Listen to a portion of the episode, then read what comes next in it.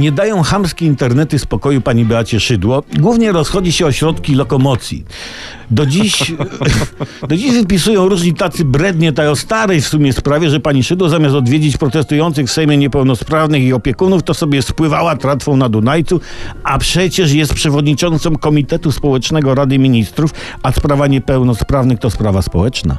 Ci ludzie tkwią w grząskiej ciemnocie bez pojęcia, bo pani Beata szefuje Komitetowi Społecznemu kogo? Kochani, Rady Ministrów, czyli ona jest od spraw społecznych ministrów głąby jedne, no. Ich urlopów, nagród, tych rzeczy.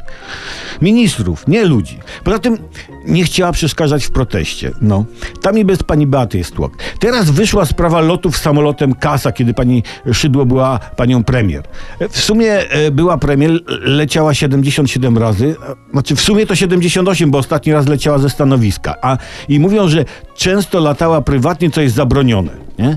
I niechętni utyskują, że wydała za nasze, czy tam wylatała za nasze ponad 2,5 miliona. Taka klasa. no, no.